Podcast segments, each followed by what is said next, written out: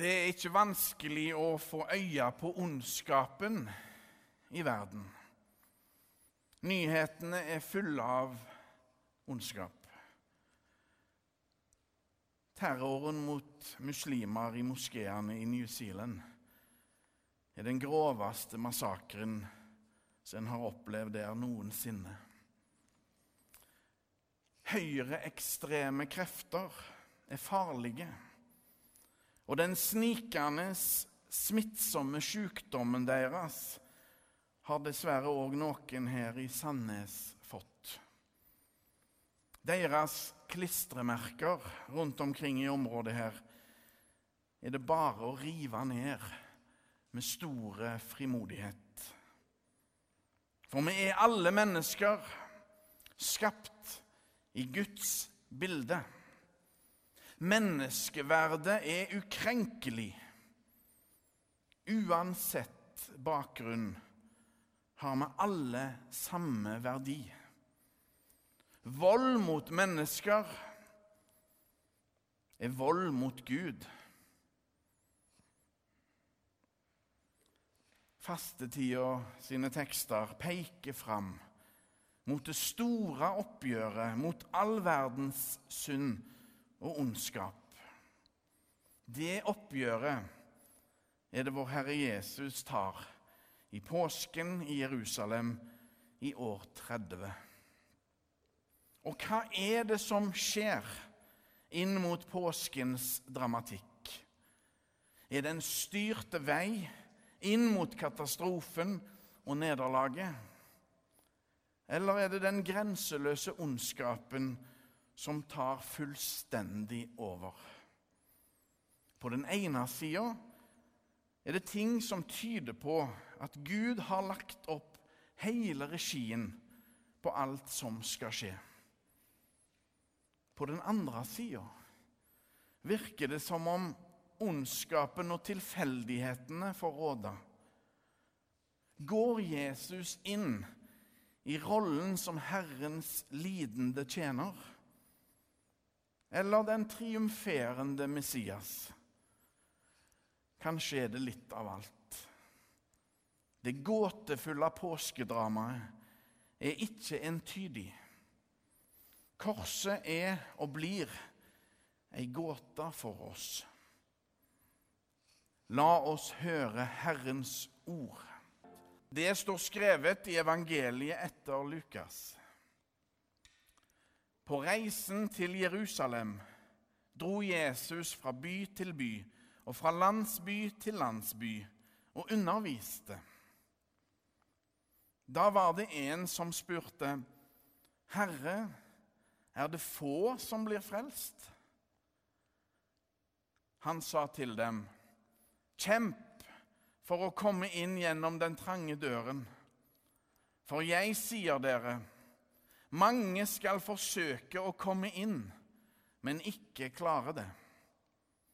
Når husherren først har reist seg og lukket døren, og dere blir stående utenfor og banker på og sier, 'Herre, lukk opp for oss', da skal han svare, 'Jeg vet ikke hvor dere er fra.' Da vil dere si, 'Vi har jo spist og drukket sammen med deg, og du har undervist på gatene våre.' Men han skal svare, 'Jeg vet ikke hvor dere er fra. Bort fra meg, alle dere som gjør urett.' Der skal dere gråte og skjære tenner når dere ser Abraham og Isak og Jakob og alle profetene i Guds rike, mens dere selv blir kastet utenfor. Fra øst og vest og fra nord og sør skal mennesker komme og sitte til bords i Guds rike. Da skal noen som er de siste, bli de første, og noen som er de første, bli de siste. Slik lyder det hellige evangelium. På tida så leser jeg hele serien av de ti glimrende kriminalromanene om Martin Beck. De er skrevne i løpet av ti år, fra 1965 til 1975, av det svenske ekteparet Mai Sjøvall og Per Vallø. Og Alle disse romanene har undertittelen 'Roman om en forbrytelse' og gir et sosialrealistisk bilde av en tøffe politivirkelighet i Sverige, med utgangspunkt i Stockholm. Disse bøkene er glitrende godt skrevne. Meget spennende og ikke akkurat lette å legge ifra seg. Og da gjelder det ikke å gjøre som ei dame som jeg kjenner meget godt. Når hun leser spennende bøker, så pleier hun å slå opp på de siste sidene for å få løsningen på gåta. Nei, nei, nei, nei. Og kanskje er det den fristelsen vi lett faller for, alle sammen. Også i møte med opptakten til påskedramaet. Å komme med løsningen for tidlig. Det er viktig å holde på den uroen som ligger i opptakten til dramatikken.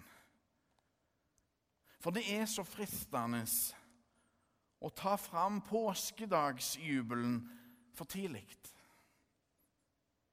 Jesu seier over det onde hans oppgjør med ondskapen koster mye. Koster alt. For den kjærligheten Jesus møter verden med, blir overkjørt av ondskapen og dødskreftene.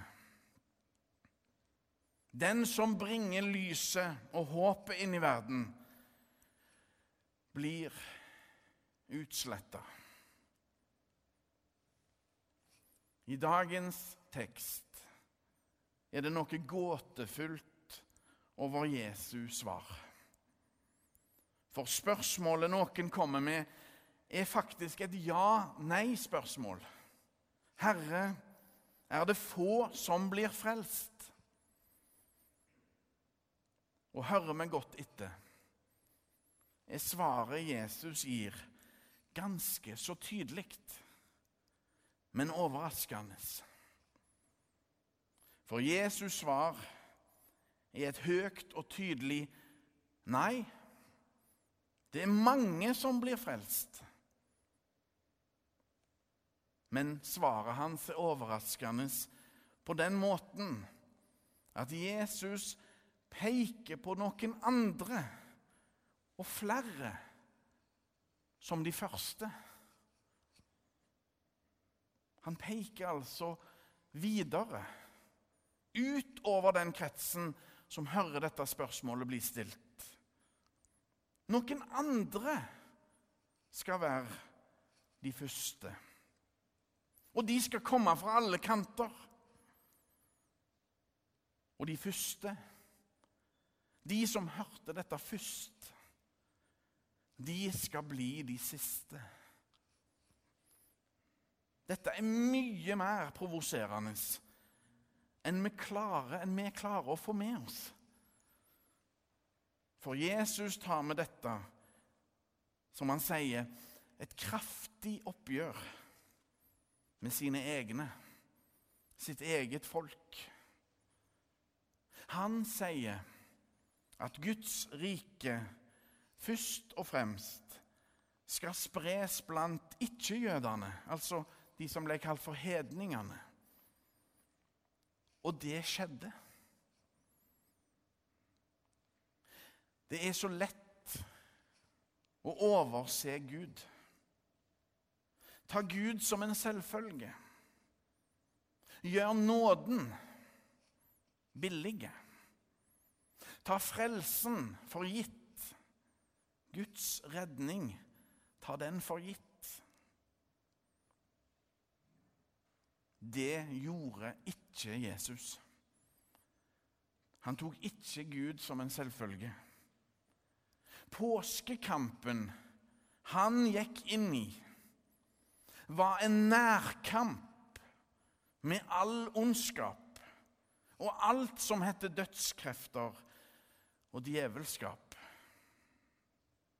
Det var ingen lette seier. Den kampen førte til at Jesus, menneskesønnen, Kristus, Messias, den salva kongen, ble drept ved korsfestelse. Hengt opp, akkurat slik kobberslangen ble hengt opp av Moses i ørkenen for at de som var blitt bitt av slanger og gikk mot den sikre død, skulle vende blikket mot kobberslangen og bli friske igjen. Slik skal vi òg vende blikket mot Jesus på korset og bli helbreda fra forgiftelsen bli frelst, frihalsa fra slaveriet. Dette gjelder alle mennesker. De kommer fra øst og vest og sør og nord. De som var de siste, er blitt de første. Guds rike begynner med Jesus. Han har brakt Guds rike til oss i sin død og oppstandelse. Guds rike er ikke bare langt framme en gang i framtida. Det er der òg, fullt og helt. Men Guds rike er allerede kommet. Det er her, midt iblant oss, men ennå ikke fullt og helt. Gåta er løst. Mysteriet er oppklart. Jesus gjorde det umulige mulig og satte oss fri. Og vi skal igjen og igjen vende oss mot Jesus og se på han. Men fremdeles er det faste. Og det er ikke tid for å feire påske ennå. Ære være Faderen og Sønnen og Den hellige ånd, som var og er og blir, er en sann Gud fra evighet og til evighet. Amen.